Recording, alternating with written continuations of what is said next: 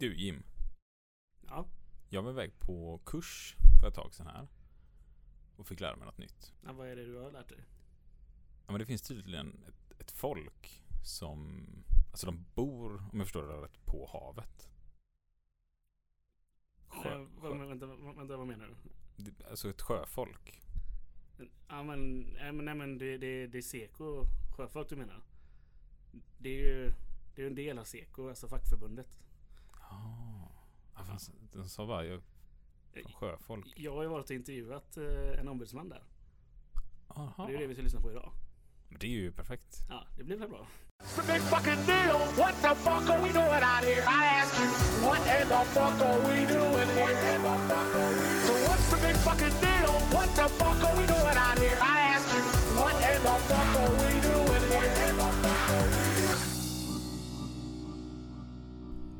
Ja, ja, men då ska du iväg till Seko idag då? Ja, jag har ju tagit mig iväg till eh, Fjärde Långgatan. Jag gick ifrån eh, Järntorget där, Olof Palmes plats i Göteborg. Det var ju ett par hundra meter att promenera så det var trevligt. Har de sitt liksom huvudkontor i Göteborg då? Ja, de var uppdelade. Seko Sjöfolk då. De eh, fanns både i Stockholm och i, i Göteborg. Det är inte så mycket sjöfart i sjöar. I, Östersjön tänker du nu? Tänker. Ja, nej, men de, de hade nog sitt huvudkontor här så förstod jag det. Och det kommer säkert eh, Mikael berätta så jag träffar här också. Ja men då blir det spännande för oss andra att lyssna på. Mm. Ska vi, får vi hänga med i bilen eller hur? Nej, jag gick ju bara så det, jag, vi startar ju när jag är där. Du har redan varit där? Jag har redan varit där. Jaha, så vi spelar in det här nu efteråt? Ja, vi gör ju det. Som Ja. fake, eh, fake news. Det, det är inte fake news, det är bara eh, klippt och redigerat i god ordning. Du ska redigera det här avsnittet med Ja, vi ska programmet. testa det Det idag. blir spännande att lyssna. För alla defekter ni hör idag är Jim Tellefsdals fel. och då kan man mejla till honom och klaga. Om ni vill. Ja, det är man jättevälkommen att göra. Ja men vi följer med. Och då säger vi hej och välkommen till Mikael Lindmark. Tack så mycket. Vem är du och vad, vad gör du? Jag är ombudsman då på fackförbundet Seko och den branschavdelningen som heter Sjöfolk, eller klubben om man ska vara lite så fackligt nördig. Så är vi numera en klubb. Sitter på vårt kontor här i Göteborg, i Masthuggstorget. Rollen är ombudsman, men jag är också kassör här och jobbar en hel del med internationella frågor. Och det är väl eh, framförallt därför vi är här för att prata med dig idag. Ja, jag har misstänkt det. Ja. Du och jag har ju gått en eh, kurs tillsammans eh, på LO här i Göteborg som var två år ungefär. Jag tycker du var lite blyg. Jag tycker det var en utbildning, inte en kurs. Ja, det var en utbildning var det. Det har du helt rätt i faktiskt. Ja, en väldigt bra utbildning. Ja, den var mycket. Och facklig politisk eh, för att förbereda LO-arbetare att eh, ta politiska uppdrag i framtiden. Precis, precis. Ja, och vi var, var börjar- första gänget också. Ja, precis. Det var första gänget. Det var lite... det har kommit något nytt gäng. Nej, jag känner det var väldigt exklusivt för mig. Tänk att vara första gänget när man är liksom om 30 år så, ah, du har gått Järntorgsakademin. Mm, Jag var först ut. Det, det kommer kännas stort för mig en gång. det är bra. Att, eh, ja, det är spännande. Vi började spela in eh, när vi var, för vi avslutade den resan, med, eller den utbildningen med en resa till Bryssel. Precis. Och vi försökte spela in lite grann där, men det var resemikrofoner och eh, väldigt mycket ljud när vi var ute på resande fot. Och jag kände att shit, här finns det ju hur mycket som helst att prata om. Väldigt lite tid mellan. Ja, Väldigt späckat schema får jag säga vi hade. Det var precis. de som hade planerat hade gjort det bra att, eh, att, inte, att vi inte skulle få tid över att eh, göra andra saker. Nej, än att verkligen bara eh, prata med olika organisationer och myndigheter och annat som vi träffar där nere. Att, nej men vi börjar lite och vi, ja som sagt, detta vi ska prata om idag kan jag prata om i timmar. vi faktiskt få möjligheten att göra det nu då. Precis. Och att, ehm, ja, nej men vi, vi kan väl börja lite med vilka vi, vi är här och vår organisation. Och vi som sagt, vi är en klubb, vi är en väldigt självständig klubb inom Seko, som är det fackförbundet i, eh, inom LO som organiserar service och kommunikationsarbetare. Så allt ifrån tunnelbanefolk till de som jobbar på kriminalvården, till de som jobbar inom väg och ban. Här i Göteborg bygger man nu en eh, väldigt stor ett väldigt stort infrastrukturprojekt som heter Västlänken. Och då är det väldigt mycket Seko-arbetare där som jobbar i den delen som heter väg och ban då. Eh, de som sätter kontaktledningar ute, de som jobbar på Vattenfall är också medlemmar i Seko. Och så har vi då sjöfolk som är vår den delen som jag tillhör. Som eh, fram till 1995 var ett eget förbund och hette då Sjöfolksförbundet.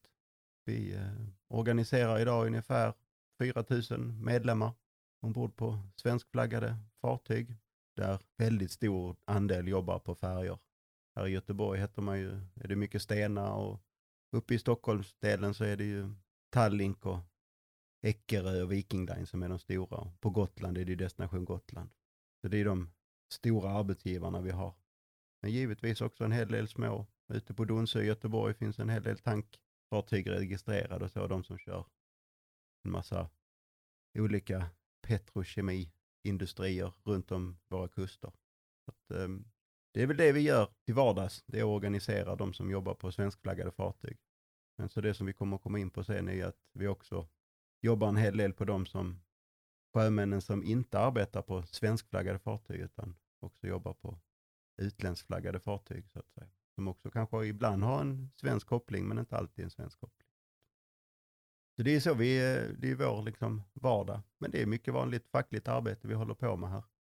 Det är precis som alla andra fackföreningar. Det är MBL-förhandlingar och det är avsked och det är uppsägningar och, och ibland så är det, ja, det kanske inte, vi får, vi får aldrig in liksom eh, en, en ny stor batterifabrik med 3000 arbetsplatser, men vi får kanske in ibland en stor färja med, med 300-400 arbetsplatser. Det är ju jättestort för oss när det kommer den typen av, av dignitet. Och då är det mycket arbete med att en sån, ett sånt fartyg ska flaggas in till, till Sverige. Det, det ska inspekteras. Och byggs ju oftast i Kina idag.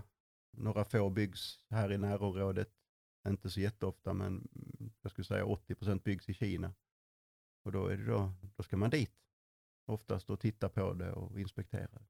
Du är med när de eh, tar fram arbetsplatsen så att säga? Eller? Ja, inte alltid jag, men mm, någon av mina kollegor är det. Och vi har ju samma problem som alla andra, att man inte får tillträde. Och nu under coronan har det varit jättesvårt att komma till Kina för att inspektera fartyg och då får man ju oftast lita på, får man ju ha ett bra samarbete med Transportstyrelsen som är vår tillsynsmyndighet. Vi har ju då inte Arbetsmiljöverket som tillsynsmyndighet utan vi har Transportstyrelsen. Det blir väldigt mycket att granska ritningar istället för att kunna göra det på plats och sådär. Så men är det jättestora inflaggningar och stora fartyg så försöker vi vara på plats på varvet minst någon gång under processen. Men det handlar ju som alla andra involveras tidigt i, i processen som jag tror alla fackförbund oavsett har, har problem med. Men du, du säger att ni jobbar som vanligt, eller fackligt som andra gör egentligen. Men, men era medlemmar åker ju liksom kanske utomlands ganska, eller i alla fall över till Finland eller Danmark och sådär. Men eh, när man har svensk flagg då, då är det fortfarande svenska lagar och regler som gäller, eller? Ja, den brukar jag alltid, jag brukar alltid när jag håller våra medlemsutbildningar, så det är ju den principen vi vill hävda. Och då brukar jag alltid ställa samma, när våra medlemmar säger, men så är det. Ja, Okej, okay. ja, men så då, då ska vi göra ett litet tankeexperiment. Du jobbar på ett svenskflaggat fartyg. Ni kommer till New York. Och det gör man ibland. Och där ombord kommer USAs president. För att ja, men, ni, han ska besöka er. Rätt så osannolikt, men han ska göra det. Och så skjuter du honom ombord på det svenskflaggade fartyget fast i New Yorks hamn. Då brukar jag fråga våra deltagare på utbildningen, vilken lag tror du du blir dömd efter? Svensk lag, du får sitta i 15 år i fängelse eller du får amerikansk lag, dödsstraff. Jag har svårt att tro att svenska liksom, myndigheter kunnat hävda att nej, men det, är, det är faktiskt svensk lag på det här, det här fartyget. Så att, eh, det är så att det, vi kan alltid ograverat hävda att det är svensk arbetsplats och det svenska arbetsmiljöregler som gäller. Men händer det en händelse på annat lands territorialvatten och i en hamn, så är det givetvis det landets eh, lagar och regler som gäller. Vi har haft en hel del, vi är inte förskonade som någon bransch från dödsfall. Vi hade ett dödsfall för några år sedan där det var en, eh, en målare ombord på ett fartyg, en, ett svenskt fartyg som, som omkom. Och eftersom fartyget färdades på finskt, estniskt och svenskt vatten och man inte kunde fastställa eh, när han är riktigt när han hade dött, var det också svårt att fastställa efter vilken lag han skulle, liksom själva brottet skulle, han skulle bli dömd efter. Eller det, de som har så att säga, var anledning till att han dog. Så att säga. Och då blir det väldigt svårt att, att, att hitta en syndabock. Och det, det blir nog den röda tråden i, i det här komplexiteten inom sjöfarten och hitta, liksom, om man ska hitta någon som är ansvarig för någonting. Att, eh, där har du en, eh, det är den stora utmaningen. Det är liksom, du måste ju kunna säga att okej, okay, är du på internationellt vatten, det finns en massa gränser utifrån eh, kusten och så ut, i, ut från kusten så är det en massa gränser för när det, när det blir internationellt vatten. Och är det ett svenskflaggat fartyg på internationellt vatten, då är det ju helt och hållet svenska regler som, gör, som gäller fullt ut med allt med lagar och så, för då finns det ju inga andra lagar som gäller. Men om du då kommer över på amerikanskt vatten eller franskt vatten eller något annat sydafrikanskt vatten, det kan vara vad som helst, då kan det vara olika lagar då som, som gäller för olika saker och händelser. Och här kommer då in det att sjöfarten är extremt global. Du går ju liksom runt om överallt. Liksom. Då är du väldigt, väldigt global i ditt, då måste du också ha regler. Du, liksom, du kan inte skilja sig till exempel i bemanning. Du kan inte behöva, om du går mellan, mellan Sverige och Danmark, så kan du inte behöva ha tre stycken på, på däck på, på svenska sidan och fyra på danska. Liksom. Det, det, funkar ju inte så, utan då måste ju länderna samsas om att ha gemensamma spelregler och då kommer vi in i de här de internationella organen som, som bestämmer det då. Så att de, de har ju väldigt, väldigt stor inverkan. Vi brukar alltid inom, eh, man brukar alltid se EU som den högsta liksom, stående bestämmaren över Sverige i, i ganska stort. Men, men just, eh, just i detta så, så handlar det väldigt mycket om att det är IMO då, International Maritime Organization, som är FN-organet som styr där är det ju väldigt mycket eh, som styrs ifrån. Och sen då ILO, International Labour Organization, som är liksom den, om man pratar arbetarnas trygghet och välfärd och sånt, så är det liksom, bestäms ju det från ILO. Så, att, eh, så där kan det också bli konflikter ibland mellan IMOs regelverk och EUs regelverk och lite sådana saker. Men vi brukar alltid säga att vi är världens mest globala bransch. Det, det, det, tror jag inte vi behöver ljuga om. När Nej, det är nog inte helt fel skulle jag, skulle jag tro. Att, eh, men du säger mycket förkortningar här nu. För de mm. lyssnare som kanske inte känner Absolut. till det så kan vi ju förklara vad det är för något. Ja. Nej, men vi har IMO då, The International Maritime Organization, som är FN-organet. Alltså FN har en massa organ. De hanterar inte alla frågor själv, utan de har en massa organ under sig. Eh, allt ifrån eh, UNHCR till då, då IMO som, är, som ligger i London, som är den maritima organisationen för havssäkerhet, miljö, allting sånt som man har då. Så att vi brukar alltid säga att när det, när det händer en stor fartygsolycka så kommer det ett nytt regelverk för, från IMO. Då. Och det brukar man säga för att det börjar med Titanic. Det var där någonstans det började. Så det är liksom aldrig någon som underskrift att, att det, alltid, det har alltid varit så att det har varit en stor, det måste hända en stor olycka för att det regelverket ska, ska ändras. Så att det började med Titanic och sen har det liksom ändrats och senast den stora händelsen det var ju givetvis med Estonia 94 när hon gick. Då, då kommer det också ett nytt, nytt regelverk från, från IMO då som reglera till exempel att man måste ha ut, den porten som öppnas ut mot vattnet. Där måste finnas en port innanför den också. Det fanns inte innan Estonia men Estonia gjorde då att det blev faktumet. Man måste ha en, en, en, en andra port då som är vattentät också. Det har varit en mängd olika sådana här, eh, vi hade en, eh, en, en olycka inte långt tidigare än eh, Estonia, jag tror detta var 92 eller 93, som hette Jan Hevelius som var på öst, södra Östersjön.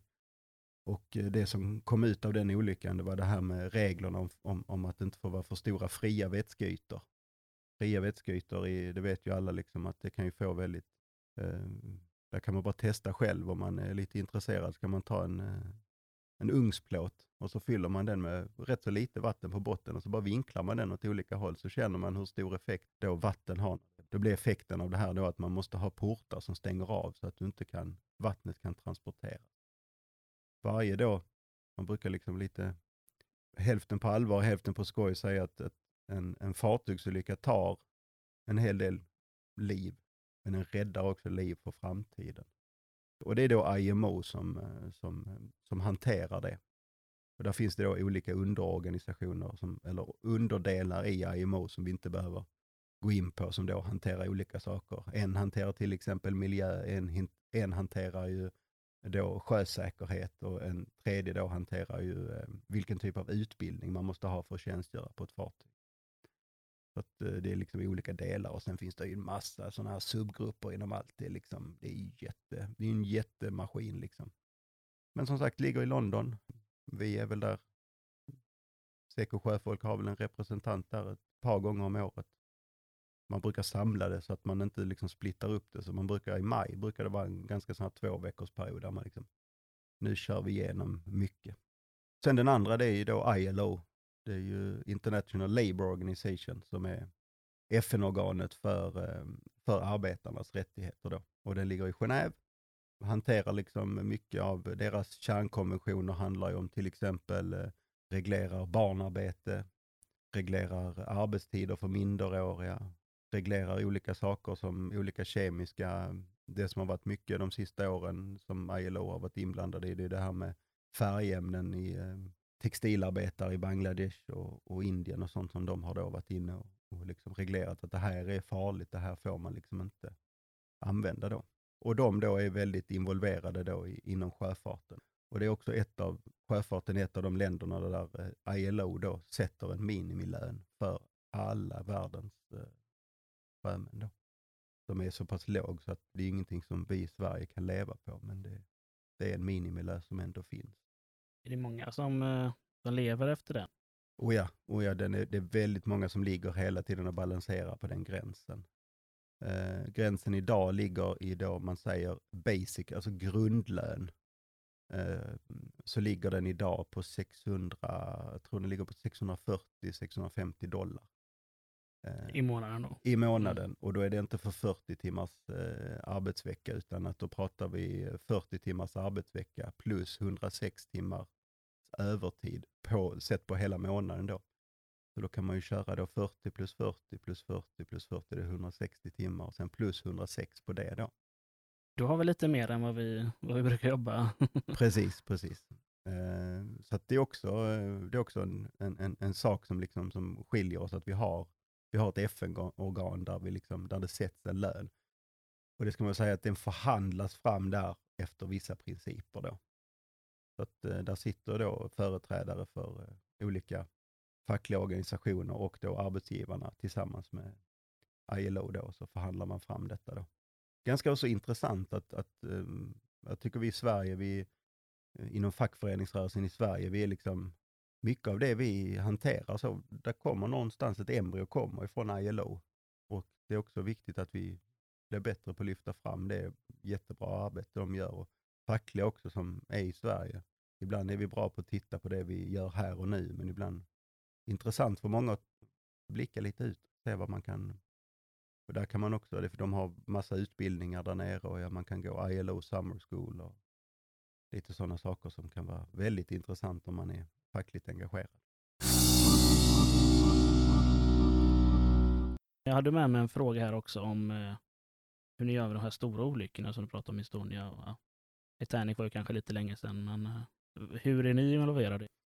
Oftast när det blir som, som, som Titanic, eller som, inte Titanic, Titanic blev det säkert också, men så sånt, den historiken har jag väldigt lite, väldigt lite kunskap om. Men, men eh, Estonia, det blev ju en enormt stor utredning gjord efteråt och, och där finns, där var ju, vad jag har fått hört för mig, jag var inte så jättegammal, jag var, jag var 14 år när den här eh, olyckan eh, hände, liksom, så jag var inte så, jag var inte involverad i sjöfarten alls, men jag har ju fått höra liksom, hur man agerar här hos oss, liksom, att det var bara en som skulle uttala sig och man hade liksom så. Det blev också väldigt stort tryck på rederierna därför att passagerarantalet gick ju ner jättelågt. Och folk blev jätteoroliga för att åka och sådär. Så det handlar också om att, att liksom förklara att ja, men det är fortfarande ett säkert sätt på samma sätt som flyget. När ett plan kraschar så blir det jätteoroliga folk då, men man måste ändå se till det, det totala antalet timmar som fartygen går. Och så. Men vi blir involverade på lite olika sätt. Alltså, eh, om, det, om det händer en olycka, för det händer ganska, för säga ändå att det händer ganska mycket olyckor eh, fortfarande. Det blir bättre för varje år och man jobbar med arbetsmiljö, man jobbar med systematiskt arbetsmiljöarbete. Men men, men det händer olyckor och då, då blir vi ju involverade på olika sätt. Alltså det är ju genom de vanliga eh, funktionerna med, med MBL och att de ska informera oss om vad som har hänt och vi har det reglerat i olika olika delar och så, framförallt i, i, i våra internationella avtal finns det väldigt tydligt reglerat om, om att de ska kontakta oss om det är någonting som händer och sen så, sen så är det ju hela tiden det som vår uppgift, eller inte vår uppgift, ska jag säga formella uppgift, men det som oftast blir vår uppgift, det blir att förklara för, eh, om det är polisen, i en polisutredning, hur det här verkligen har gått till, hur ägarstrukturerna ser ut. Eh, jag hade en åklagare för något år sedan som ringde mig och så sa han, vet du vem jag ska åtala? Alltså det blir liksom på den nivån därför att det, blir, det är så komplexa ägarbilder och inte bara ägarbilden. Ibland kan det vara så att ägaren är väldigt tydlig men fartyget flaggat i ett land, du har försäkringsbolaget i ett annat, de som driver det sitter i ett tredje, säkerhetsdokumenten som jag då heter eh, DOC som kallas, eller som är översatt då Document of Evidence. Som är, eh, nej, Document of Compliance, DOC, Document of Compliance. Eh, som betyder liksom att nu har jag alla mina papper i ordning, då, har, då får jag ett DOC utfärdat. De kan sitta i ett annat land. Eh, nationaliteten ombord på de anställda kan vara två, tre, fyra nationer och deras anställning kanske, säg att rederiet är flaggat i Tyskland, men anställningen ligger på Cypern. Och de anställda är ryssar, ukrainare och eh, lite olika nationaliteter. Det kan också vara filippinare och, och några indier och så helt plötsligt så slänger man in en bulgar. Och sen då händer en olycka. Då ska detta redas ut. Så vi hade en olycka här för eh, ett par år sedan där en sjöman omkom han omkom inte direkt utan han blev, eh, man har ju någonting, alla fartyg knyts ju fast som jag säger lite enkelt liksom med, med stora trossar. Och de trossarna går ju upp på stora liksom, spel som man kallar det, liksom, där man hivar in dem. Liksom. Det är stora, stora spel som drivs av eh, hydraulik eller el. Och eh, där eh, fastnade han i en sån och åkte med och klämdes. Han låg då på lasarett väldigt länge och sen så eh, efter två månader så, så, om, så dog han då av sina skador. Eh, och då blev det först och främst fråga om det var en, eh, ens en, en, en arbetsolycka. För att reglerna är ju att om du dör efter, innan, alltså efter två månader av olyckan så är det inte en arbetsolycka längre. Så det är också sånt, man liksom, då, då är det inte klassat som det längre. Och då menar vi på, ja okej, nej det kanske det inte är, men han har ändå dött av sina skador, så nog är det relaterat till arbetet i alla fall. Ja, det kunde man väl komma, kunde man ganska fort konstatera att det var det ju.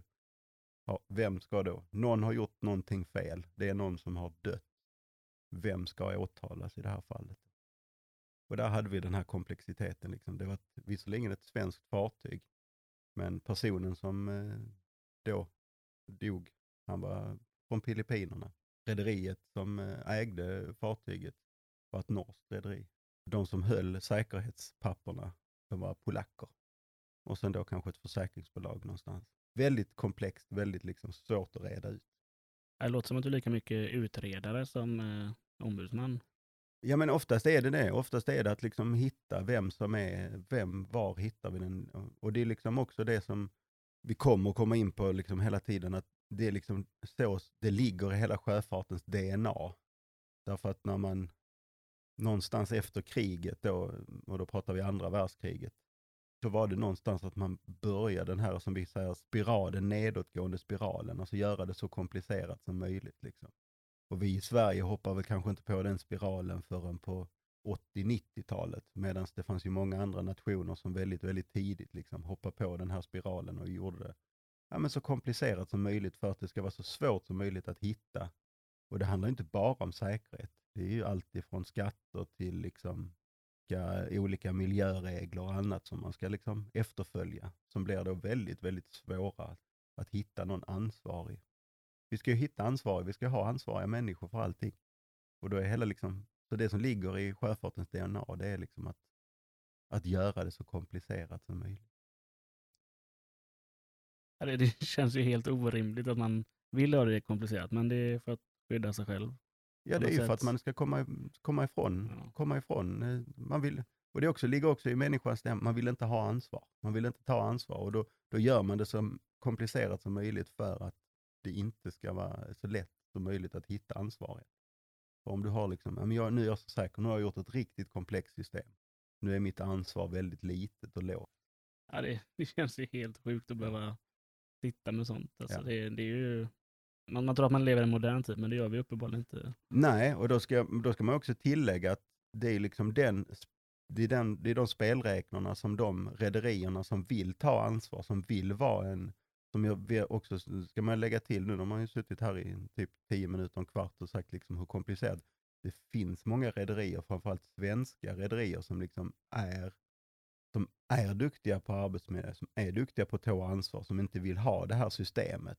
Men de får ju liksom sina laster bestäms ju priset utifrån det systemet som andra sätter, vilket gör det här extremt komplexa. Liksom. Och då dras, trycks ju priset ner. Och då, då måste de ju också titta på olika möjligheter för att, att spara in så att säga. Och då, då dras ju de in i den här härvan av olika flaggstater och allt möjligt som är. Ja, det är ju kul att höra att i alla fall svenska bolag som vill ta ansvar. Det är Absolut. väldigt bra. Och det finns ju också utländska och, och, och sen det som man också ska säga att det är ju att branschen som sådan är ju ganska duktiga på att självsanera sig själva. Liksom. Och framförallt när det är externa parter som till exempel då man tar eh, olje, oljebolagen. Det, fanns en, det var en väldigt eh, tråkig olycka för 40 år sedan som, där det var ett fartyg som hette Exxon Valdez. Som var en stor, stor tankbåt som gick under och släppte ut ofantliga mängder olja uppe i Alaska. Och efter det kom ju liksom, sa ju oljebolagen att de har ju fått ta så mycket, de fick ju ta så mycket av detta. Det var ju inte bara Exxon vid det tillfället, det var ju Shell och det var ju BP och det var ju alla. Som fick ta så mycket liksom, så att de börjar ju liksom ett arbete själva och då ställer kraven på rederierna idag. Så att på, på, på de stora vad ska man säga, tankfartygen, på de stora gastankersen, där är ju inte alls lika mycket problem som det är på en som kör med kol till exempel, eller kör med järnskrot, eller kör med något annat där liksom inte, där om lasten skulle liksom läcka ut eller trilla ut i havet, det inte liksom är lika stort problem så att säga. Ett hårt kontrollerande oljebolag och liksom en aktör som har liksom, vad ska man säga, svensk eller nordeuropeisk liksom ägande. Då är det väldigt säkert, då är det väldigt miljöinriktat, det är väldigt liksom bra på många sätt och vis. Men om du då istället går, om du vänder dig söderut, liksom södra Europa, liksom annan del av så, med gods som är väldigt, alltså inte har så högt värde. Och sen då en ägande som, som finns i något land som inte bryr sig särskilt mycket om mänskliga rättigheter och sånt. Då får du precisa motsatsen. Då får du ju människor som mår väldigt dåligt, är ombord ofantligt långa tider, har dåligt betalt och kanske inte jobbar sådär länge. Liksom. Så det är liksom, det är verkligen kontrasternas eh, bransch också. Att du, Ja, det är klart, det är, det är skillnad på eh, ansvar och inte ansvar. Ja, precis, precis, precis. Så att, ehm, nej, så där har vi liksom, och då, då kommer vi liksom lite osökt in på den här kontroll, vem som har den här kontrollfunktionen då. Då, då hade man då efter, precis efter kriget så började man se den här, eh, den här då att eh, rederierna börjar placera sina fartyg i, i olika, vad ska man säga, obskyra önationer. Panama, Marshall Islands, eh, Cypern och Malta och allt sånt där. Men det fanns liksom inget genuin länk mellan ägandet, alltså ägandelandet och den här lilla ön eller det här landet där du satte flaggan i, i, i baken på, på fartyget. Och då tänkte man ju från eh, de internationella facken, då tänkte man liksom att detta måste vi göra någonting åt. Och 1948 då så startar man någonting som heter Flag of Convenience. Som vi då lite enkelt kallar FOC-kampanjen. Som i princip, jag skulle säga 90 procent av vårt fackliga internationella arbete bygger kring den här då FOC-kampanjen. Och det var då eh, den internationella federationen ITF som, eh, som startade den, internationella transportarbetarfederationen då. Som, som startade 1948 och då hade man, eh, ska jag bara titta i mina papper så jag också är, eh, jag verkligen säger rätt här. Klipper det här bara annars. Ja, det är inga problem. Nej men FOC-kampanjen den har liksom två delar. Den har en del som är en politisk kampanj som syftar att då eliminera det här då bekvämlighetsflaggsystemet då, FOC som är bekvämlighetsflagga då. Och genom att då uppnå en eh, global acceptans av en genuin koppling då mellan flaggan och, och staten. Man vill liksom att den ska finnas. Man vill att, ja, men äger, äger en tysk fartyget, då ska den också ha tysk flagga. Äger en svensk fartyget, då ska den ha svensk flagga. Så att det är det man vill ha, det är liksom den politiska kampanjen. Sen blev det ju också, den andra delen var ju då en industriell kampanj som var utformad för att säkerställa då att sjöfolket som tjänstgör då på bekvämlighetsflagga då, oavsett nationalitet, att de skyddas då från exploatering av sina arbete. Så att man, man kör det, ja, vi vill ha bort det här systemet, vi vill ha bort det, men så länge vi har det så måste vi göra det bästa som möjliga för de sjömännen som jobbar. Och idag är det ju liksom, alltså man har ju fortfarande den här äh, viljan att få bort det, men idag så är det ju så enormt stort. Så att du, du, du, det är liksom, jag tror inte det är någon som tror på att du kan få helt bort det idag. De största, de största flaggorna idag för fartyg, de är ju flaggor som är, alltså FOC. Panama är ju den största idag och den är ju, jag vet inte hur många tusen fartyg som ligger där, men det är många tusen. Och det är ju den största idag, trots att det är väldigt få fartyg som är ägda ifrån Panama. Det är ju inte en jättechock kanske. Nej, jag inte. Och sen är olika länder då har ju olika mycket, alltså man brukar kunna se på ungefär vart de är flaggade, eh, vart hemvisten någonstans finns. Är ett fartyg flaggat på till exempel Marshall Island, då ganska ofta att det finns en amerikansk koppling. Tyskarna är ganska eh, förtjusta för att sätta sina fartyg under, under Panama-flagg. Sen är det då de som vill ha eh, tillgång till EUs inre marknad. De sätter ju då i något av de FOC-länderna som har EU. Cypern, Malta. Sätter man gärna då en, eh, en sån. Men där måste vi kunna göra någonting genom EU eller? Ja, fast vi har ju också, vi har ju också att länderna har sin självbestämmande. Är man liksom, sätter man, alltså idag är ju Cypern, Cypern är ju ett skatteparadis. Det är ju EUs lilla skatteparadis. Malta är också en sån. Varför ligger alla de här spelbolagen, de ligger ju på Malta.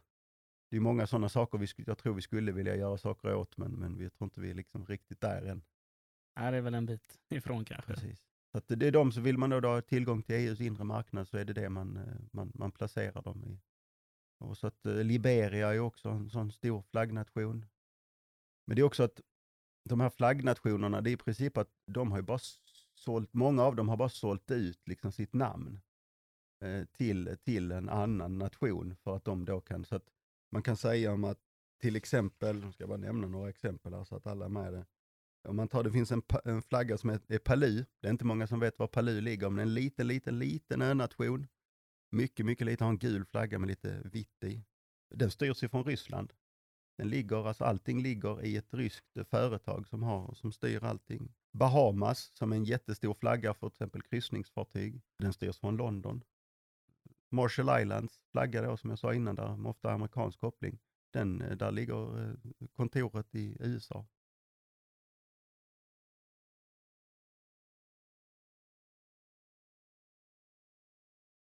Väldigt, väldigt eh, så speciellt så att säga. Men det är fortfarande det landet någonstans som har bestämmande rätten. I praktiken så bestämmer de inte särskilt mycket av sig själv. Det man ska säga då, den största, som är Panama, de har ju verkligen sett en affärsidé i det här, men de har också sett en affärsidé att göra det säkert. Så de, de förbättrar ju hela tiden sina nivåer, de förbättrar ju saker och ting. De, de vill ju att de, för de, de här länderna de tjänar ju pengar på att fartygen är flaggade. Det kostar avgifter och det är massa saker som, som finns. Så de vill ju ha dem och då måste de också upprätthålla vissa nivåer. Malta är ett sånt bra exempel. De har ganska tuffa regler för hur gammalt ett fartyg får vara för att placeras i det maltesiska registret. Medan Cypern är liksom, det är den, eh, vad säger man, ja, det är dit man slänger all skit som ingen annan vill ha. Liksom. De, de, tar in, de tar i princip in allting. Liksom. Ja, det är ju sorgligt när vi har EU-länder som är så. Liksom. Ja. Det, ja. det är som jag brukar säga till våra förtroendevalda när det ibland går upp liksom, hur, hur illa det är. Liksom. Det är den verkligheten vi har att jobba med. Vi, liksom, Visst, man kan antingen bestämma sig för att göra någonting annat eller ska man inse att ja, det är det här nu. Och det man kan då säga som då, det är att alltså de förbättringarna vi gör får ju oftast ganska bra genomslag och liksom en löneökning på, en löneökning på 15 eller på 10 dollar, 100 spänn, är ju jättemycket för en person som bara har någon tusen dollar i, i månaden totalt. Ja, men ni har ju liksom ett par tusen fartyg här då. Hur, hur får ni ihop det här? Eller hur gör ni? Ja, då, det är ju också, ja, men det, det är alltid intressanta sådana här frågor. Det är verkligen min, det är min, min grej när jag, när jag alltid säger vi, vi kan skriva hur komplicerade kollektivavtal som helst, men om vi inte kan e-, få dem att efterlevas, då, har de, då spelar de ingen roll ändå. Så det som man har gjort inom ITF då, det är dels att man, eh, man, har, liksom, eh, man har skapat olika typer av, av policies. Och den senaste heter då, de är oftast döpa efter det landet där de, de togs på den kongressen, där man tar, man får ta, tar alltid de här på kongresser då. Så den senaste då som är den som är vägledande nu, det är den som togs 2010 som heter Mexico City Policyn då. Den har då liksom, vad ska man säga, eh, fått, eh, fått liksom, ja men den funkar väldigt bra. Du har då olika kollektivavtal, så du har liksom det stora kollektivavtalet som är att eh, du sätter upp en eh, fiktivt fartyg och så gör du en, en besättningslista efter det. Och sen så tar du fram då hur, hur mycket de ska ha i, i lön då, allt ifrån befälhavare ner till den som är, eh, eh, sist, det är då den som är städare ombord. Och så får de en, eh, en viss lön, alla då, och så bestämmer man lönen utifrån vad matrosen har. Och matrosen får då, han, får, eh, han är 1,0 då, och så befälhavaren, han är 3,5 av den som är matros ombord, och matrosen är den som gör Ja, men han är den som knyter fast fartyget, som håller på med lastningen och han underhåller också fartyget. Då. Och sen så, ja, de som är, sen kocken, han är också 1,0 till exempel. Så, så ställ, beställer man lönen utifrån vad matrosen är och sen så trillar det ju bara ut på de andra utifrån olika. Så du, du, har, du har liksom ett, du har alltså, det är också ganska unikt för ITF då, det är att de är enda som skriver allmängiltiga kollektivavtal då. Och det är väl också en sanning med modifikation, för de, det är inte de som skriver dem, utan det är deras då eh, medlemsförbund eh, som skriver dem ute i, i länderna då. Eh, så att man får då, man medlem i ITF och har förhandlingsrätten på inom sjöfarten som då Seko har. Så, så har vi då rätten att, att skriva de här FOC på FOC-flaggade fartyg då. Och sen så har man då skrivit ett kollektivavtal och sen ska de ju då efterlevas. Och då har man varit så fiffiga inom, inom ITF att man insett att det här, vi kan inte bara låta det för då, då, då kommer sjöfarten fram med en, med en ny idé om att komma runt det här systemet på något sätt. Så att då har man ett inspektorat som man kallar det. Eh, och inspektoratet består av ungefär 150 personer runt om i hela världen. De är anställda i de olika förbunden. Så inom Seko har vi till exempel två och Transport har, har två. För det är, i, i Sverige är det då eh, det är Seko och det är Transport som, som delar på ansvaret för det som kallas FOC-kampanjen då eftersom att Seko har avtalsrätten för de som är anställda på fartygen och eh, Transport har då för de som är anställda i hamnarna då. Enligt ITFs principer då. Sen vet ju alla att det finns ett annat förbund som heter Hamnarbetarförbundet. De är ju då inte medlemmar i ITF och då har, kan ju inte de ta ansvar för, för den delen av kampanjen. Så de här eh, inspektörerna då, de är anställda på heltid, är avlönade av förbunden, men förbunden sen får ju kostnaden täckt av ITF då i London. Och de jobbar heltid med det här. De, eh, och de har ju oftast, beroende lite på vilka länder, det finns ju till exempel en inspektör, jag tror bara att han har till exempel Antwerpens hamn. Han har inte, visst det är en jättestor hamn och han har jättemycket att göra, men han har inte så mycket, han kan i princip klara det med en, med en moped eller med en elcykel. Men å andra sidan sett så har du kanske ett annat inspektör som har eh, en jättekust och ska täcka med många mindre små hamnar. Så att eh, då kan det ju vara då liksom så de tillbringar ofantligt mycket timmar i bil då och kör till olika hamnar. Går ombord då på, på fartygen och, och, och gör en inspektion då utifrån de reglerna som, eh, som avtalet säger då. Som då de inte har tecknat utan det är då den nationen där som är medlemmar, den förbundet i den nationen där ägandet ligger. Så det är då, till exempel i Sverige då, så det är då jag och min kollega Peter som, eh, som tecknar avtalen för de fartygen som eh, inte eh, är flaggade i Sverige då, utan är flaggade i ett FOC. Så de är flaggade på Cypern, Malta, lite olika nationer. Färöarna är också ett FOC-flaggat, där också, är också en FOC-flaggad nation, önation. Vi har lite, vi har någon på Marshall Island och vi har lite olika länder. Ni har svenska medlemmar där då? Det är därför ni är ansvariga, eller hur funkar det? Nej, oftast har vi inga medlemmar där. Utan det är för att ägandet ligger i Sverige. Ägandet är i Sverige? okej. Ägandet ligger i Sverige och enligt de principerna som finns, då är det vi som har avtalsrätten för dem. Och det får man också säga att visst, det här systemet utmanas av olika advokater runt om i världen, men jag skulle säga inom shippingvärlden så är det väldigt vedertaget liksom att man accepterar att det finns, en, det finns en fackförening som tecknar avtalet. Men har du tecknat ett avtal så, så, så har du också, liksom, du ses som en mycket seriösare redare då. Och det ska man också lägga till att vi i Sverige, vi har ju, liksom, vi har ju ganska ordentliga fackliga muskler. Så att vi i Sverige, vi har ju också när ett fartyg kommer hit här och det är avtalslöst då, att det inte finns något godkänt ITF-kollektivavtal då på, så, så har vi också en möjlighet att, att liksom lägga det i blockad. Eh, och då har vi en ofantligt stor hjälp av, av eh, hamnarbetarna då på, på transportsidan. Som, det är ju verkligen de som lägger ner arbetet. Och våra medlemmar ombord, eller våra potentiella medlemmar som man då får säga, de kan ju inte göra så mycket, utan fartyget, det enda de kan göra då, det är att de kan i princip, ja de missar den lasten och seglar vidare till en annan hamn. Men om då transportmedlemmar eh, i det här fallet liksom lastar halva fartyget eller lossar halva fartyget och sen så knyter de inte loss fartyget när de väl ska gå, då ligger de ju där. Och så blir det ju liksom en, en facklig aktion och så blir det ju oftast ett kollektivavtal. Men i många länder då runt om i världen så finns ju inte de här fackliga styrkorna.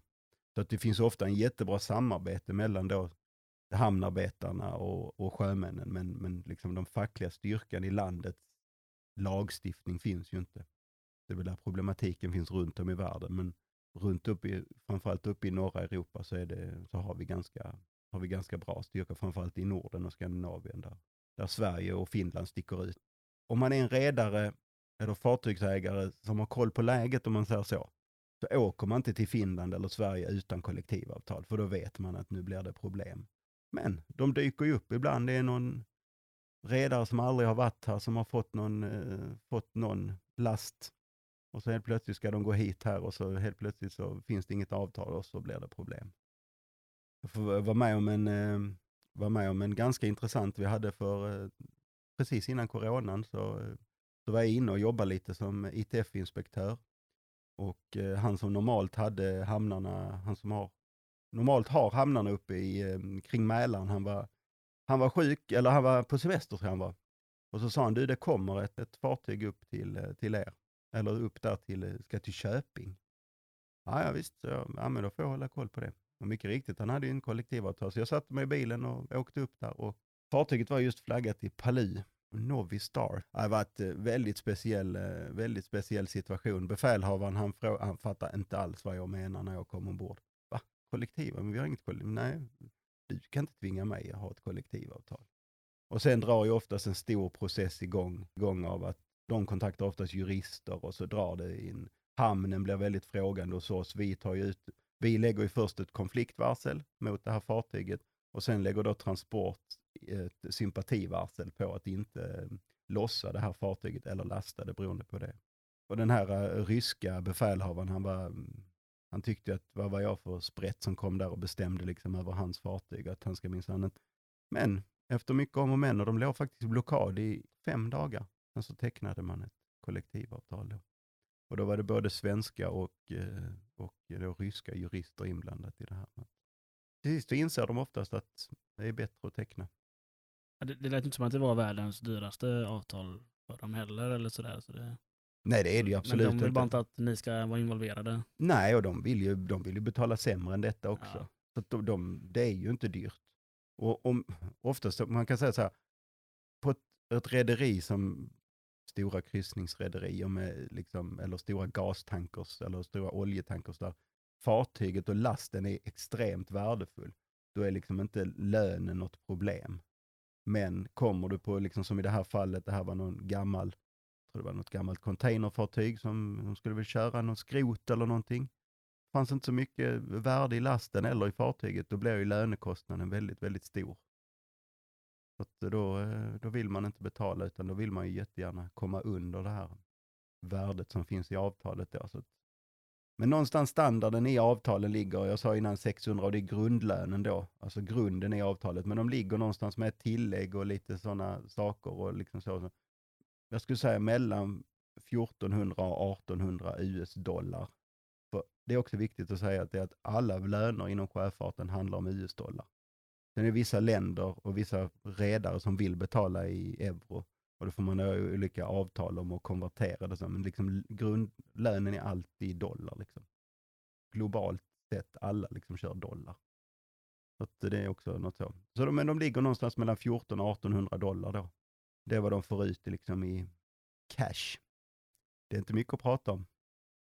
Det är ju inte de fetaste lönerna då, i alla fall inte här i Sverige. Men, eh, Nej, precis, precis. Men det är också någonting man får se, liksom att vi, jag pratar ju oftast med framförallt filippinare som, som, som, vi har på, som vi har mycket kontakt med för att de är ganska vanligt i, på svenskflaggade fartyg, eller på, på svenska fartyg, ägda svenska fartyg att det är filippinare för att ja, det är, det är liksom, de, de är bra på engelska och det, kommunikationen funkar och de är lojala och hela den där biten. Ganska säkerhetsmedvetna också, de har utvecklats mycket om de sista 30 åren som, liksom, som sjöfarts, då som labor supplier som man säger lite slarvigt så. Men, och de jobbar ju med, med liksom sådana saker och där får man ju också säga att 1800 dollar på Filippinerna är väldigt, väldigt mycket pengar. De kan oftast försörja liksom en hel familj och, och fler därtill på en sån lön. Medan vi i Sverige så hade du liksom, du hade väl gått runt men det hade ju inte varit, varit mer än så. Så det är också, var, liksom, man får se vart de kommer ifrån och så, men det, det handlar ju liksom att vi vill ju inte att de ska komma hit här och konkurrera bort våra, våra sjömän liksom med sina. Men det är ju som jag, kommer, som jag sa, absolut, det blir ju så när det blir väldigt, väldigt globalt. Så blir ju det problemet. ja, det måste ju vara jättesvårt, tänker jag, eller känner jag. Alltså, skulle jag ha mekaniker i andra delar av världen, de har ju inte samma löner som mina mekaniker har liksom här i Sverige. Det, ja, det tåls att tänka på alltså. Precis. Men det är också det som är grejen här. Det, det tar ungefär en, en, en halv dag att ändra, ändra flaggan på ett fartyg. Det är ju så, så enkelt är det ju, vilket gör, och, och, och jag menar, en, en, en- en mekaniker behövs. Finns det lastbilar i det landet eller bilar i det landet så behövs det ju också mekaniker. Man kan ju liksom inte sköta, liksom, det kan inte finnas, det gör inte så mycket, det hjälper inte lastbilarna i Sverige om mekanikern sitter på, i Australien liksom. Men i Sverige så funkar det. Du kan ju ha sjömän som är från Filippinerna för de flygs hit, jobbar då. Det ska man också säga att avtalen säger att de jobbar i snitt mellan sex och nio månader. Så de här internationella avtalen så, så, så jobbar de i snitt mellan sex och nio månader. och Sen är de ungefär lediga i två till tre månader. Sen är det sex till nio nya månader. För att man ska kunna åka hem och träffa familjen då, Precis, tanken. precis. Inte, ja. Så att de internationella reglerna säger att du får inte vara ombord längre än 11 månader. Om man då går tillbaka till coronan så var ju det ett jätteproblem. Inte nog med att svenska sjöfarten blev väldigt hårt drabbad, eller framförallt passagerarrederierna blev väldigt hårt drabbade i coronan. Så vår andra grej som vi höll på med väldigt mycket, det var ju att få hem folk, få ut och få hem folk. Vi skrev många kollektivavtal om att de fick förlänga eh, anställningarna. Liksom. Och det var mycket för att och de sa, de kom ju till oss, rederierna, och sa att ja, nej, ni behöver inte skriva en förlängning, men vi får inte hem dem. För att myndigheterna tillåter inte det här. Alltså, vad ska vi göra? Ni måste hjälpa oss. Liksom. Så att det var ju många som var ombord väldigt, väldigt länge. Vi hade ju några, och där var det också inom den internationella sjöfarten där så var det ju framförallt inom kryssningsbranschen som över en natt i princip bara dog. Jag tror jag tittade vid något tillfälle, man har ju alla, det finns ju olika sådana här äh, häftiga appar och internetsidor. En stor är Marine Traffic där du kan se alla fartygen över hela världen. kan man också liksom filtrera, så jag filtrerar bara, så jag såg bara kryssningsbåtar över, eller kryssningsfartyg över x antal tusen ton. Och då låg de ju liksom upplagda, men då låg det liksom ett helt band med runt, jag tror de låg runt Bahamas. Jag tror det låg 25-30 stycken och så räknar man att varje kostar ungefär 5 miljarder att bygga. Så kan man ju tänka hur mycket hur mycket kapital där låg kostar bara liksom pengar. Men det blev ju också, eftersom de hade så mycket kapital som de skulle betala ja, men räntor och allting sånt för, så blev det ju också så att de drog in, de betalade inte löner och de flög inte hem folk. Så att det fanns ju på vissa kryssningsbåtar där det satt folk kvar ombord och där rederierna i princip inte brydde, oss, brydde sig om dem. Så vi, jag vet i Europa så var det ett självmord vid ett, ett tillfälle, en som liksom inte fick några svar, inte fick, fick, inte komma hem. Jag hade en kille som, en, en, en ukrainare, som hörde av sig till mig och han var alldeles förtvivlad för att han, han hade inte fått, eh, det var precis när coronan slog till och eh, hans dotter hade fötts. Och så ville han komma hem, men han, han kom inte av båten, låg någonstans utanför eh, Spaniens kust. Och så då, liksom, då tänkte jag att fick man använda sina lite internationella kontakter och så efter mycket om och men så lyckades vi av honom och den besättningen då så han fick flygas hem till sin, träffa sin familj där. Så det är också någonting som är liksom hela tiden sjöfarten där att Alltså det här med övergivande av fartyg. Alltså om du har ett fartyg till sist som där värdet är så lågt på det, men du har så höga omkostnader. Då är det, finns det ibland redare idag som bara, de bryr sig inte om fartyg, de bara liksom skiter i det.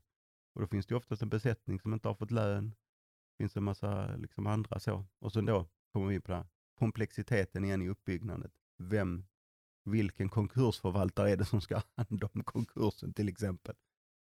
extremt svårt. Så där har man, eh, där har man liksom jätteutmaningar. Liksom. Och jag tror det har, genom året har liksom, på något sätt har man insett att visst, det skulle säkert gå att få ordning på det, men man har också lite förlikats med tanken att det är så här det ser ut, men nu får vi göra det bästa av situationen. Liksom. Så det är väl därför lite av den här grejen hänger kvar inom F FOC, den första principen, där den politiska principen att man ska tvinga tillbaka ägandet. Så att för får du ägandet och flaggstaten sitter ihop, så får du en mycket bättre liksom, utgångspunkt att jobba efter. För det är liksom där den första splittringen sker. Det är när ägandet och flaggstaten inte sitter ihop. Då är det mycket lättare sen att välja ett försäkringsbolag ifrån Norge eller ett försäkringsbolag i Japan och du finansierar det via en bank i Schweiz. Och du, liksom, du anställer från ett bemanningsbolag på Cypern och du liksom du verkligen sprider ut dig. Så det är väl det, den politiska grejen är fortfarande att vi vill liksom trycka tillbaka. Så, men vi har någonstans sett att, jag undrar om jag kommer att få uppleva det. Jag har svårt att tro det. Men vi jobbar ju varje dag för att, liksom, för att få det bättre. Liksom. Det är också som vissa, många av våra medlemmar frågar liksom, varför, varför gör ni detta? För detta är ingenting som, vad är medlemsnyttan för våra medlemmar på de svenskflaggade fartygen med de svenska kollektivavtalen? Och då säger jag alltid samma sak, att medlemsnyttan är ju att om jag gör det så svårt som möjligt och så dyrt som möjligt att ha utländsk flagg med utländsk personal. Till sist en dag så blir de ju så dyra så att skillnaden blir inte något, skiljer inte sig mot svensk personal, vilket gör att då kan de ju lika gärna anställa svensk personal. Men där är vi ju inte än. Nej, det är, det är väl en bit kvar förmodligen, men eh, så är det ju alltid. Alltså, vi jobbar ju mot mål. Ja. Hade vi varit där så hade vi inte gjort det här. Nej, precis. Och det är som, det är som alla de här FOC-inspektörerna, de har ju ett mål. Och det är att de ska jobba bort sitt eget jobb. Ja, det är klart. Det är liksom deras, de ska liksom verkligen höja nivån. De ska jobba med, de ska jobba med lastägarna så att de ställer krav. De ska liksom, och det, det är ju någonting som vi i Sverige har varit ganska duktiga på de sista åren, att vi har liksom börjat inse att det är lastägarna vi måste jobba med. Det är de som har lasten ombord. Som, vi ska liksom jobba med de här, vi ska jobba med Lantmännen, vi ska jobba med SSAB, vi ska jobba med Volvo, vi ska jobba med Toyota. Vi, det är de vi ska gå på. Liksom. Där har vi också kommit en, en bra bit för, jag tror det var precis innan coronan eh, gick, slog till, så var det en, en, samling företag, bland annat Lantmännen, Stockholm Exergy, tror jag de heter det här energibolaget i Stockholm, SSAB, några till. De gick ihop och bildade Responsible Shipping Initiative. Som handlar liksom om att de ska minsann säkerställa att de fartygen de fraktar sina på ska liksom vara schyssta. Det behöver inte vara löner som uppgår till svenska, men det ska ändå vara liksom schyssta villkor ombord på de fartygen.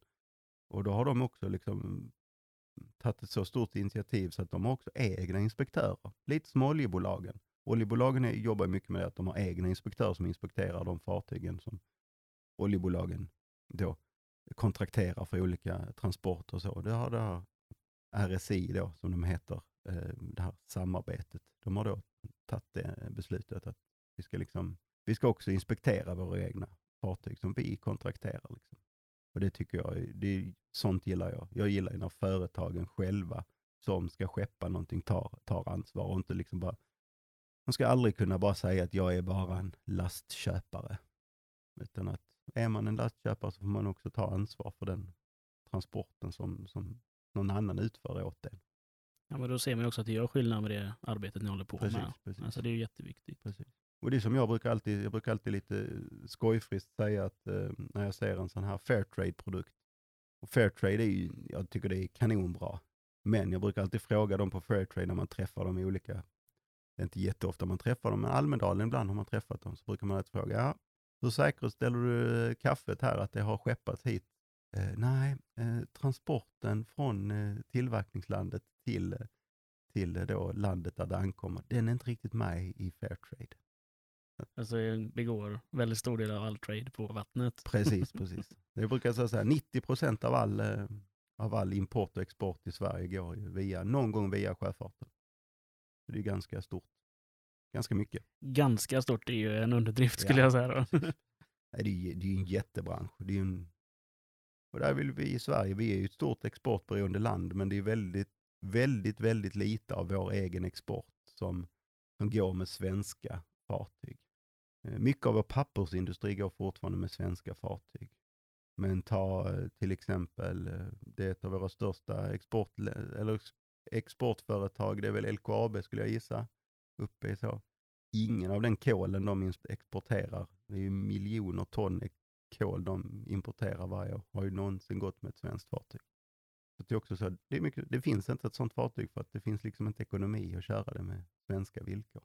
Att de kan inte konkurrera med svenska villkor på, på dem. Liksom. Så då måste vi hjälpa de andra, måste vi höja de andra länderna för att det sen ska bli intressant att sätta det under, under svenska villkor. Då. Så att eh, det kommer ju också in med det här nu när vi pratar mycket om eh, Ukraina och det här med totalförsvaret och så. Vi måste ju ha en, vi måste ju ha en handelsflotta som kan tillgodose våra behov i en, i en krissituation. Det är också någonting som pratas väldigt, väldigt mycket om nu. Liksom, för att även om flaggstaten inte har speciellt, allting styrs ifrån ägandelandet. Men skulle det hända någonting, skulle landet liksom bli inkallat till krig eller bli, på något sätt bli, bli liksom krig, så är det ju det flaggan som är där bak som är det, bestämmer vart det fartyget hamnar. Så att då, då, då hamnar vi i Sverige i en rätt så jobbig situation. Då har vi ju inte liksom så att vi kan till, tillgodose alla våra transportslag. till exempel. Vi har ingen svensk gastanker. Vi har ingen svensk stort kol, eh, för, något sånt som kan köra kol och så. Vi har en hel del, eh, vi har en hel del roro, alltså roll-on, roll-off fartyg då. Som kan både köra stridsvagnar och lastbilar och allt möjligt. Men vi har inget eh, svenskt containerfartyg. Vi kan inte köra containrar. Vi sitter i Göteborg, Sveriges största hamn, Skandinaviens största hamn i Göteborg.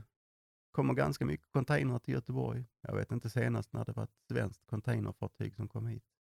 Det var nog ganska många år sedan. Medan det är ganska många tankfartyg som kommer hit som är svenska. Då. Biltransport är också någonting som är väldigt mycket, en hel, finns en hel del svenska. Det är också någonting att tänka på nu när vi sitter i situationen med vår totalförsvaret och det som är väldigt aktuellt. Och så nu. Det är hur ska vi klara oss i en, situation med en så global bransch? Liksom, så att många av fartygen är utflaggade. Vi har idag ungefär 100 svenskflaggade fartyg som ligger över det som, där man liksom räknar dem som lite större. 100, men vi har ungefär 350 som är kontrollerade från Sverige. Har du några förslag på hur vi ska göra alltså för att få svenska mer än det du gör eh, i att höja nivån på andra ställen? Liksom? Nej men det är fortsätta jobba, det är fortsätta jobba på EU, det är fortsätta jobba i de här internationella. Liksom, det är också någonting som, det finns liksom ingen quick fix. Det finns liksom ingen, eh, ja men den lösningen och så blir det allt. Utan det handlar om allt ifrån att jobba mot svenska politiker till att jobba mot internationella organisationer, jobba mot stora lastköpare. Alltså Ikea, de här jättedrakarna liksom som är, jobba med dem, att de ställer de här höga kraven på sina transporter. Ja, då, till sist så liksom många bäckar små, många saker som puttas in i det här. Till sist så åker ju lönerna upp. Då kommer vi komma framåt, men eh, vi är långt ifrån det idag. Mm, nej, men det krävs ju verkligen att den, ja, huvudägaren, liksom, eller den som har lasten, ställer kraven neråt hela tiden. Precis. Det precis. är där, för det är där de stora pengarna ligger. Liksom. Oh ja, oh ja. Alltså de, jag tror inte det finns någon enda redare eller, eller fartygsägare som, som säger emot en stor lastägare. Utan säger de att ja, men jag har kontrakterat dig för att köra x antal tusen ton här. Nu vill jag att du börjar jobba med till exempel det här med CSR, Corporate Social Responsibility, sådana saker. Så att, eh, då kommer de att göra det också, för de lyssnar. Liksom. Det är ju som överallt, money talks. Liksom. Mm. Det, hur man än vrider på det så kommer vi alltid dit där, i money talks. Men eh, hur gör ni för att få de här att efterleva det här? Eller vad, vad händer egentligen? Alltså många, alltså det är, rimligt, det är rimliga nivåer de har. De, de, de betalar oftast, det ska man säga, merparten av de internationella företagens, liksom de rederierna, de betalar de nivåerna de har skrivit ett kollektivavtal på. Och, och, och, har de skrivit ett och, och, inte har betalat, ja men då går de här inspektörerna ombord och oftast driver in lönerna. Liksom. Så att eh, det hela inspektoratet då, liksom ITF, alla de här 150 som är runt om i världen, de, eh, de driver in miljontals dollar varje år i, eh, som vi kallar det backpay eller ja, restade löner liksom. Men så finns det ju då liksom den verkliga liksom avarten, liksom den verkliga smutsiga delen av, eh, av eh, sjöfarten är ju det är någonting som, som vi kallar, som kallas, eh, vi kallar det double bookkeeping, att man dubbel bokföring. Och det är precis vad det är. Du har ett, du har ett kontrakt som är helt i linje med det kollektivavtalet som är skrivet. Allting ser jättesnyggt ut, alltså allt ifrån liksom hur de registrerar vilotiden till, hur, till hur, hur lönerna är utbetalda och sånt. Men det är liksom inte det som stämmer. Utan sen finns det också ett annat kontrakt som oftast ligger på, på eh, bemanningsbolagets kontor eller någonstans. Och där står det en helt annan summa då. Oftast en summa som är ja, en tredjedel till hälften av vad det vanliga kollektivavtalet säger. Och det är då vad de får ut i, i månaden. Så kollektivavtalet kanske säger 1800. Men så får de ut 800, men de får ut 1000. Och det är då liksom, det är återigen de här sakerna som är kopplade som jag nämnde innan med att lågkvalitativt gods, lågvärderat gods, kör kanske mycket spannmål, sten, grot, grus, sådana typer av saker. Oftast eh, besättningar med ganska dålig engelska. Det finns liksom en massa varningssignaler. Ägandet ligger ofta någonstans i, i Baltikum, om vi pratar Sverige då. Detta, det, detta fenomenet finns det en hel del runt om i världen, men vi i Sverige vi ser det väldigt mycket kopplat liksom till det baltiska ägandet. Besättningarna är ganska till åldern, åren kommen i åldersdelen då. Och så, så lägger man ihop det, liksom ett pussel, och så ser man att här finns nog double bookkeeping. För det är inte så att besättningarna kommer till oss och säger att jag får bara hälften av vad mitt kontrakt säger. För de är livrädda. För det är också så att hur vi än vrider och vänder på det i Sverige, liksom att här i Sverige så kan många i alla fall arbetstagare, de kan, de kan gå och ringa facket och så ringer facket arbetsgivaren och sen så blir det rätt. Men i många andra länder så är det att ringer du facket så är du liksom, då är du black, alltså svartlistad för resten av livet. Och det stannar liksom inte ens där. Vi, jag ska inte säga att det finns många, men det finns exempel där sjömän har försvunnit efter att de har då kontaktat ITF då som, som det de säger. De, de kontaktar liksom inte något spe, specifikt förbund, utan de, de har liksom en lina in till ITF. En mail eller ett telefon. Och sen därifrån portioneras det ut då till var fartyget är på väg. Och kontaktar dem då. Och så kommer då någon av kolleg mina kollegor ombord och så säger de, ja den här och den här personen har, har kontaktat, då kan du räkna med att den personen inte har något jobb efter någon vecka eller så. Och det är till och med så illa att det finns alltså människor som har, som har dött, som är försvunna helt enkelt. Så det är ju någonting som vi, vi ser väldigt, eh, alltså nu Östersjön är ju, tyvärr finns det en hel del sån här double bookkeeping i, i Östersjön och det är liksom, det är liksom någonting som vi måste också jobba med och inte bara liksom att upprätthålla de avtalen som finns och jobba dem framåt, utan även få de anställda ombord på den här fartygen att verkligen våga höra av sig till oss. Och där pratar vi om olika vägar för att få dem att prata om oss. Det till exempel kan ju vara att, att vi skapar någon fond så att de kan få lön därifrån. Andra sådana saker som olika typer av trygghet som vi behöver ge dem. För att det ska man också säga att FOC-kampanjen och de inspektörerna som finns, de är ingenting utan att det finns besättningar som vågar säga att det är fel. Och där är väl det stora och den jobbiga pucken. Det är att verkligen få dem att säga, det här är fel. Och det, är, det är de livrädda för. Det är också att de har ju inte den kulturen i många länder. Liksom. Utan du säger, du gör precis som arbetsgivaren säger. Och du vågar inte ringa liksom, the union. Nej, man ifrågasätter inte auktoritet och man eh, golar inte eller skvallrar inte. Liksom. Nej, ja. Absolut inte, utan du, du, du säger inte ifrån. Men det börjar komma. Jag ska säga att det börjar komma mer och mer. Filippinerna är ytterligare ett sådant exempel. Där börjar det komma embryon av att de verkligen vågar, eh, de verkligen vågar säga ifrån. Framförallt om de har varit mycket, liksom på, mycket på, på svenskägda eller tyskägda eller dansk, finskägda. Då börjar de få lite så här nordeuropeisk, liksom, vad ska man säga, tjafsmentalitet. De vågar säga ifrån liksom. Och det, det, det är ganska bra, men det krävs liksom att de är på de här typen av fartyg i tio, tio år för att liksom verkligen förändra om. Liksom. Ja, nej, men vi har ju en mentalitet av att säga ifrån när det inte är bra. Och, och det är ju inte alltid bara för vår egen skull. Det kan ju vara för företagets skull eller rederiet i det här fallet. Då. Så att allting ska bli bättre för alla.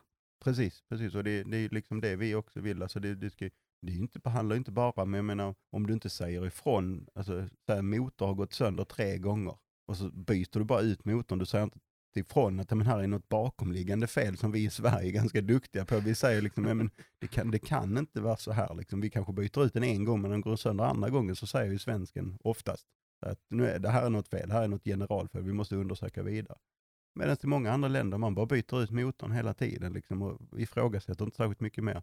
Men den mentaliteten börjar komma och framförallt då om man ser på de här från Asien som har varit i, på svenskkontrollerade eller svenskägda fartyg väldigt länge. De, de, de hamnar, de blir bättre och bättre och det tycker jag är så kul att se.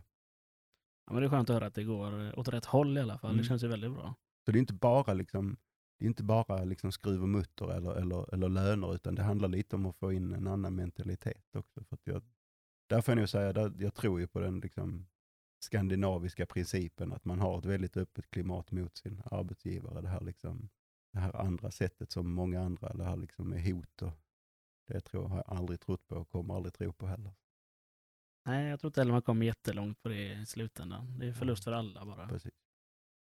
Så, visst, vi har mycket att jobba på, men vi har också en hel del och det är en fantastisk, alltså den, jag brukar alltid, det är verkligen, alltså jag brinner ju för sjöfarten. Det är som ibland man har fått fråga, men ska du inte göra något annat som ombudsman? Liksom? Ja, något annat kanske inom, inom sjöfarten, men inte något annat. Alltså jag, är, jag älskar ju den här branschen, jag tycker den är, den är så härlig. Man, man träffar folk liksom från hela världen, man pratar från människor från hela världen. Jag menar, vi har ju varit jätteinblandade nu, i, nu med Ukraina, krig, eller det kriget som Putins anfallskrig får man väl säga att det är. Man kan inte säga någonting annat. Vi hade ju, när det slog igång så hade vi ju, det fanns ju ganska många svenskkontrollerade fartyg där det fanns både ryssar och ukrainare på samma fartyg. Problematiken med det, hur löser man den situationen? Ryssar då som trots allt har jobbat ombord. Och det kan ju inte jag säga att de inte har gjort, för det har de gjort. Har de jobbat ombord ska de ha lön. Men om deras bank är avstängda i Swift-systemet, hur ska, man, hur ska de få lön då? Jättestort problem. Det som är det stora nu, det är ukrainarna, är ju väldigt, eh, ett väldigt eh, vanligt sjöfolk. I, de länd, eller I den hamnstäderna Odessa och de här som ligger längs med eh, Svarta havet, där det bor väldigt, väldigt mycket sjömän där. Och det är då, vi i Sverige vill ju att liksom, ukrainarna ska premieras. Det är ryssarna som ska liksom skickas hem och inte få nya jobb. För att de lever totalt i det här, den här Putins stat då. Så att eh, medan då arbetsgivarna tycker att det är liksom kanske i större utsträckning, men det är lite, det är lite svårt. Jag vet ju inte om jag får tillbaka samma kille igen eller samma tjej igen. Och det är liksom så, det är lite pro, mer problematiskt att skicka ut och hem dem. Så att ryss, eller ukrainska sjömansfacket ser ju den här problematiken. De är rädda för att deras sjömän inte ska få jobb här framöver för att det är lite mer problematiskt. Och då, då vill ju vi då att man jobbar mycket mer med den frågan och liksom löser problematiken kring Ukraina så att de fortsätter kan jobba och fortsätter kan liksom få in pengar in i landet. Liksom. Och att man då inte väljer den enkla vägen och liksom skita i att anställa dem och då gå på andra nationaliteter istället. Så att det är också en sak som vi har jobbat med. Vi har också vi har skänkt ganska mm, betydande pengar liksom och fått andra, andra organisationer där vi är verksamma att skänka pengar till Ukraina och ukrainska sjömansfacket då för att vi ska liksom, för det är också en sån här, den här, det är liksom en sjöman i Sverige, han känner väldigt mycket starkt med en, sjöman i, oavsett om det är en rysk eller den, just för vår identitet som sjömän är ju väldigt, väldigt stark. Hur du än, var du än är och hur du än liksom agerar eller var du än verkar i, i världen så är liksom sjöman det är en väldigt stark identitet. Det, är- det är någonting att jobba på för många andra och skapa den identiteten för det är, det är härligt att tillhöra. Ja, men det är kul att höra. Vi har kört här någon timme nu, eh, lite mer kanske. Ska vi dra ihop det här? Ja men det tycker jag. Ja, Det tycker jag. så avslutar vi. Så tackar jag så jättemycket för att du har ställt upp här och tagit tid och prata med oss. Ja, tack själv. Det var jättekul att vara med i detta och vad kul att få så här mycket utrymme att prata om det man verkligen brinner för. Tycker att det kanske har märkt i podden också att man, man, man gör det. Ja, det, det tror jag nog kommer lysa igenom. Det har du gjort för mig här i alla fall. Det har du gjort. Så att, ja, men stort tack. Bra. Ja, tack så mycket. Då är vi tillbaka i studion. Vad säger du Isak? Ja, men, eh, superspännande. Mycket nytt, väldigt mycket nytt för mig. Trots att jag har en lillebror som jobbar i den här, eller har jobbat i den här branschen. Som har varit till sjöss eh, ganska rejält. Ja, han har väl seglat över Atlanten Han har seglat över Atlanten och genom Medelhavet och grejer och ja, Ja, som man säger. som genom Bermudatriangeln till och med. Oj, den eh, kanske man inte skulle börja med. Nej, Nej, det gjorde han inte heller utan det var ja, det var långt in. långt in. Ja. Efter två år. Ja, nej, men jag får säga att jag lärde mig väldigt mycket också när jag satt där. Jag blev förvånad vissa grejer och fundersam med vissa. Och, herregud, hur kan man ha en bransch som funkar så här? Men, Vad tar du med dig som mest? ehm, nej, men jag visste inte att det här ITF-projektet fanns överhuvudtaget, det här Flag of Convenience då. Ehm, och det är väl jävligt vettigt, men som Mikael sa att det är, ju- det är väldigt svårt att vända det här liksom. Men Ja, det är ju ett stort skepp. det är ett stort skepp att vända, ja. Exakt. Nej, det, de har att göra, så kan vi säga. Det behövs nog fler i den branschen. Och framförallt behöver väl ILO lite mer befogenheter kanske på något sätt. Eh, där står man väl alltid när, när det är världsfrågor. Liksom. Det är Mm. väldigt globalt. Och, Och, Ja. och så spännande också hur den internationella marknaden verkligen påverkar allt ja, ja, verkligen. inom en bransch. Mm. Men vi rundar väl av eh, avsnittet där. Ja, och då ska vi väl tala om för er att vad tog Sebastian vägen? Alltså, Sebbe har ju inte varit med alls idag. Nej. Jag har spelat in varken innan eller efter. Och sen var det ju bara jag som var hos Mikael. Ja, Han har väl hittat på sig, ja, han håller ju på ute på Viskadalen där och kör eh, kurser och grejer. han håller på där. Han har blivit medlem i Lärarförbundet och sådär. Ja. också. Så då, och så pratade de om att de skulle göra om sin tjänst så att de fick sån här Ja, just det. Ferietjänst. ja, men ledig- liksom ledig på sommaren, sommarloven och jullov och sånt där. Ja, och då tänkte vi så här, men då har han tid att spela en podd. Ja, men han har inte börjat med det här Nej, än men jag är ju ledig, säger han då. Ja, vi får se hur det går med det här. Eh, Men han brukar i alla fall säga att eh, gilla, dela, följ oss. Det hjälper oss jättemycket med att få spridning på podden så att vi slipper lägga pengar på det. Det har vi faktiskt inte, fortfarande inte lagt ett öre på att göra reklam för podden. Nej, det har vi inte Ändå gjort. nu så är det hjälper ni till med. flera, flera tusen som lyssnar på podden, så det är svinkul tycker jag det här. Det är riktigt roligt. Är det. det är fantastiskt jävla härligt. Det är grymt. Ni är helt fantastiska, ni lyssnar. Och alla mejl som kommer in, det är häromdagen fick jag in eh, massa förslag på, jag tror vi fick in typ 15 förslag på nya avsnitt. Ja, men det är bra. Som jag bara tryckt in i våran sån här planeringsmall nu. Den är lång nu. Jag tror vi har 47 avsnitt som ligger just nu med idéer till Ja, avsnitt. det, det känns positivt i alla fall. Så jag vågar inte svara i mejlen till er när vi kommer spela in de vi har- vi har- avsnitten. Typ två år framåt just nu då, eh, med den takten vi håller. Ja, och nu är det semestertider. Jag kan säga att jag, vi satt precis här och käkade lite mat ute med mina grannar och njöt av lite sommarvärme. Men vi tänker att vi tar ingen sommarpaus i år. Nej, vi försöker köra på. I år trycker vi ut avsnitt i etern tack vare er lyssnare Mm. och gästerna. Alltså stort tack till alla gäster som Ja, det är fantastiskt. Vill man nu stötta på det med lite pengar så att vi kan fortsätta och, för nu var det också i Göteborg. Ja, då behöver du inte åka så långt. inte åka så. Vi, vi kommer ju börja göra detta snart känner vi. Eh, och då är det bra om ni vill vara med och stötta med lite eh, medlemskap. Då väljer man själv vilken avgift man vill betala som medlem. Så att känner man så här att jag har det jävligt bra ställt. Jag, jag går in med 150 000 kronor. Det accepterar Då vi. gör man det. Om man kan swisha så mycket, det vet inte jag, aldrig provat. Känner man så här, ja det är väl lite att ta i. Men då swishar man in två spänn. Eller 200 spänn, eller 150 eller någonting. Men det väljer ni. Liksom, det är ingen kommer döma er förutom vi. För det är bara vi som ser. Ja, det, är, Hade vi tänkt hänga ut er i podden, men det får vi inte för det är faktiskt så. bara jag som ser det. Det är Nej. ingen annan utav er som Nej. får kolla på det. Mm. Och Jimmy är en sån här löjlig kassör som är "Åh, nej, vi GDPR, ni får inte titta. Ja, sådär. Ja, För att ja gud vad löjligt att behöva följa snart. lagarna. Eh, Men så, så är det i alla fall. Men det är... En podd där vi pratar om lagar Ja, ganska ofta. Ja. Då. Ja. Svinkul i alla fall. Och vill man nu bli detta så swishar man in sitt namn och e-postadress till 123 09 084 26. Det står också om man tittar i texten eh, och sådär. Man kan också bli föreningsmedlem då om man har en förening som gärna vill stötta. Ja, och då kanske man vill gå in med lite mer cash för att det är en liksom, förening som känner att vi har ett starkt kapital och vi vill gärna vara med och sprida podden. Och då kan man mejla till dig Jim. Ja, så löser jag ett bankgironummer. Och man kan mejla övriga frågor, tankar, idéer till podden på fuckyoupodcast.gmail.com Mm. Ja, Vi rundar av där. vi rundar av. Superstort tack att ni har lyssnat på oss, höll jag på att säga, men på Jim och, på Mikael. Mikael framförallt. till Mikael. Kanske mest på Mikael om vi ska vara helt ärliga. Det är inte jättemånga som lyssnar på den här podden för oss. Faktiskt. Ha det gött. Ha det gött. Vi hörs.